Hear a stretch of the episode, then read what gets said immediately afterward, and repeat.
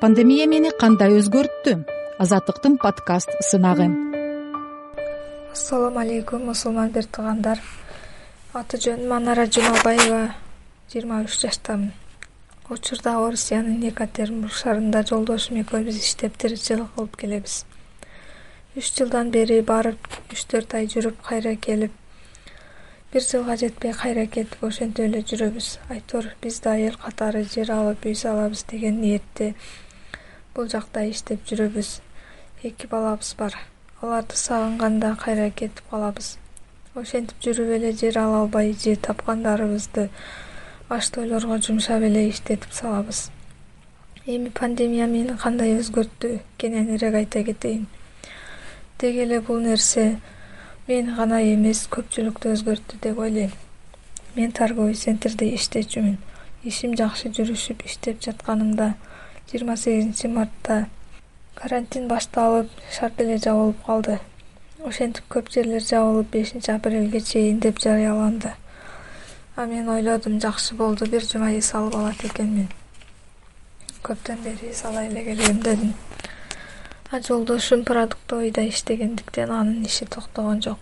А мен квартирада жалгыз эртеден кечке бекерчимин. Телефон чукулап гана күн өткөрүп жаттым акыры бешинчи апрелге бир күн калганда тажай баштадым. Күндө телефон карап жата берген да болбойт экен. Башым ооруп белим андан да катуу ооруп баштады. Карантин дагы узартылды. Биринчи майга чейин деп жарыялашты. Мен кычалат боло баштадым. Ага чейин кантип убакыт өткөрөм? Же кыргызстанга кетип калсам болмок? Же башка жумуш издейин десең көп жерделер жабык. Ошентип дагы телефон чукуламай менен күндөрүм өтүп жатты тажап кеткенинден телефонду ютубтагы аалымдарыбыздын сүйлөгөн видеосуна коюп коюп үйдү жыйнап дезинфекция кылып чыктым. Бир чети ойлонуп коем кыргызстанда болсом кана короонун баарын тазалап гүлдөтүп гүлдөрдү эгип көп иш кылмакмын. Дыйканчылык кылып күн өткөрсө да болчудай. Кыргызстандын баркын жакын адамдарымдын баркын эми билдим окшойт жолдошуму күндө эртең менен жумушка узатып кечинде таттуу тамактарды жасап тосуп алам. Дагы жакшы ошол иштеп жатат. Болбосо баарыбыз ачка калат белек ким билет? Анын тапкандарын квартира акысына жана тамак ашка балдарыбызга жөнөтүп кетип жатты. Ошого шүгүр кылып жаттым. Башкача жашоону эңсей баштадым. Мен деле үйдө олтурсам болот экен го ала албай балдарымдын жанында жүрсөм азыркыдай ойлонмок эмесмин. Телефондон намаз китеби деген приложение жүктөдүм. Мурда бир гана багымдатты окусам эми беш маал окууну чечтим. Ошентип тез эле үйрөнүп беш маал окуп баштадым. Орозо да башталып калды. Орозо кармоону ниет кылып кармап баштадым. Мурдагыдай телефонду көп кармабай калдым.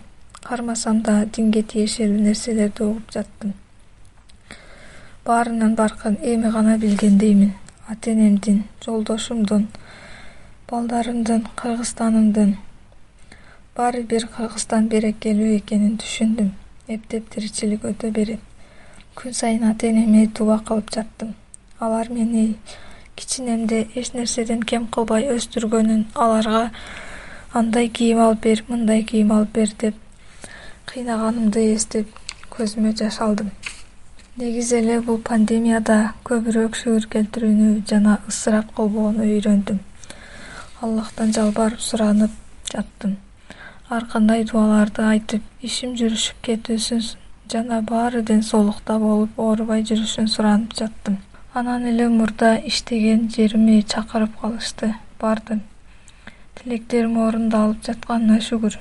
Баары аллахтын буйругу менен дегендей бешенебизге ушул күндөр жазылган экен.